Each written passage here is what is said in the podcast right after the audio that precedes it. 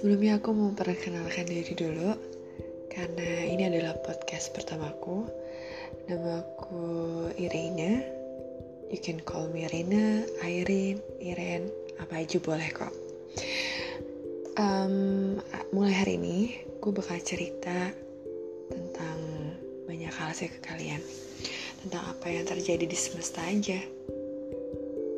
Makanya gue namanya dengan Reina beropini cerita tentang cinta, kehidupan, pasangan, rumah tangga, anak-anak, hmm, sekolah, sampai mungkin beberapa pengalaman yang bisa di-share untuk diambil pelajarannya. Dan tanpa panjang lebar hari ini mungkin gue akan cerita tentang hikmah dari beberapa kejadian yang akhir-akhir ini gue alamin which is gara-gara corona. Um, pasti banyak dari kalian yang ngalamin hal-hal yang gak enak setelah corona ini terjadi. Kehilangan salah satu keluarga sanak saudara kehilangan pekerjaan harus kerja di rumah gak bisa beraktivitas di luar pusing ngurusin anak-anak yang juga harus sekolah di rumah. um, jauh dari pasangan sampai tentang beberapa orang yang akhirnya putus asa, sedih, tapi banyak juga yang karena corona ini bisa bangkit, bisa lebih berkreasi, um, ya dari segala macam musibah yang kita alami pasti tuh ada hikmah di balik itu. Banyak banget. Dan dari corona sebenarnya gue jadi belajar. Kalau kita tuh ternyata bisa hidup dengan yang paling urgent yang paling deket dari hidup kita. Dulu gue pernah mikir aduh gimana ya kalau gue nanti tanpa bioskop tanpa mall hangout sama teman-teman. Tapi ternyata itu semua bisa bisa kita jalanin. Kita akhirnya lebih fokus untuk ngurus keluarga lebih fokus untuk kerja di rumah lebih fokus untuk beribadah lebih fokus untuk mengetahui berbicara berbincang ngabisin waktu dengan pasangan. Why not? Kata orang katanya selama corona ini banyak pasangan yang bertengkar. Tapi banyak juga yang akhirnya jadi semakin semakin akrab. Banyak yang kita tidak tahu tentang pasangan kita ketika dia kerja, menghabiskan waktu di luar lebih lama daripada bersama kita. Semuanya pasti ada hikmah. Dan gimana kita aja mensikapi dengan rasa syukur dan selalu berpikiran positif setiap pagi. So, teman-teman, stay safe, stay healthy. Kita akan sambung podcast berikutnya. Love,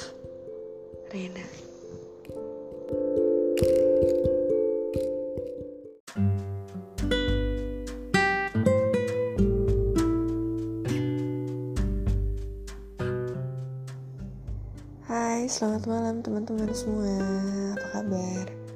Hari ini aku agak bindeng Karena tadi kayaknya kena debu Terus aku alergian jadi bersin-bersin Tapi tetap semangat untuk ngasih podcast malam ini um, Topiknya cukup hits kayaknya ya Untuk bulan Juni, bulan Juli Adalah memilih sekolah di masa pandemik seperti ini buat ibu-ibu bapak-bapak pasti agak bingung nih gimana ya? Dan apa yang menjadi standar atau ukuran dalam kita mencari sekolah? Dari TK, SD, SMP, SMA sepengalaman aku sebagai ibu dari dua orang anak so aku bakal berbagi cerita ke kalian. Di Rena beropini malam ini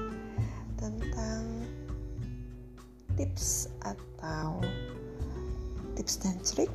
Hmm, ini lebih ke cerita aja kenapa aku memilih sekolah yang sekarang ini ditempuh oleh putra putra putra aku. Oke okay, uh, eh, sebelumnya aku minta maaf karena nggak bisa nyebutin apa nama sekolahnya. Tapi kenapa aku memilih sekolah-sekolah ini? Itu ada empat hal sebenarnya. Yang pertama adalah aku memilih sekolah yang punya uh, basic agama cukup. Karena aku ngerasa aku tuh sekolah dari SD sampai so, so, sorry sorry dari TK sampai uh, kuliah S1 S2 itu di negeri. Dan aku ngerasa kayak pendidikan agama yang aku dapetin itu ya ya hanya so-so gitu gitu. Jadi hanya ya ya bisa sholat sih bisa ngaji dan lain-lain. Tapi nggak ada yang pendalaman secara banget gitu. Nggak nggak sampai hafal beberapa surat segala macam dan karena hal tersebut akhirnya aku memutuskan untuk anak-anak untuk dimasukkan ke sekolah yang memiliki basic agama yang cukup kuat agar mereka ke depannya bisa jauh lebih baik dari aku yang kedua adalah jarak tempuh. Jarak tempuh sekolahnya itu aku pikirin banget ya. Sampai anak-anak bosen di jalan. Sampai ini mereka yang tadi udah semangat nih bangun tidur mereka udah semangat sarapan. Eh tau mereka udah loyo sampai sekolah karena udah kejebak macet kelamaan di jalan dan lain-lain. Yang ketiga adalah kemampuan dari orang tua. Aku menyarankan untuk bijaknya kita memilih sekolah yang sesuai dengan kemampuan kantong kita dong pastinya. Dan yang keempat adalah memasukkan anak-anak dengan um, bidang mereka masing-masing. Jadi karena setiap anak itu spesial, jadi kita tuh nggak bisa gitu menyamaratakan si anak A dan B untuk masuk di sekolah yang sama dan yang tahu pasti orang tua so bijaknya kita yang harus memilih sekolah yang sesuai dengan bakat dari si anak. Nah yang menggelitik aku di Rena beropini malam ini adalah ada beberapa orang tua di lingkungan circle aku sendiri sih sebenarnya. Itu memilih sekolah sebagai ajang gengsi. Aku bingung gitu. Kenapa tempat untuk pendidikan anak kita menjadi ajang gengsi.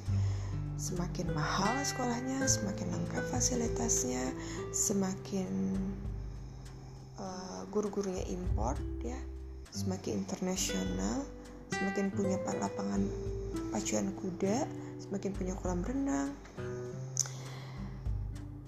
Ada juga yang berpendapat karena sosial strata sosialnya semakin tinggi ya, semakin aman memasukkan sekolah anak-anak mereka ke tempat itu. Aku jadi bingung gitu sebenarnya apa tujuan kita ya? Sebenarnya kalau kita mampu untuk bayar dan mau mengeluarkan uang lebih ya it's okay sih. Cuma rasanya sayang ketika hal ini akhirnya ditularkan untuk orang tua orang tua generasi generasi berikutnya bahwa standar pendidikan anak yang kita berikan berdasarkan gengsi. Jadi kembali lagi ke kalian. Kira-kira kalian memasukkan sekolah anak-anak itu standarnya apa sih? Oke sekian dulu podcast aku malam ini. Selamat istirahat. Sampai ketemu di podcast berikutnya. Assalamualaikum warahmatullahi wabarakatuh.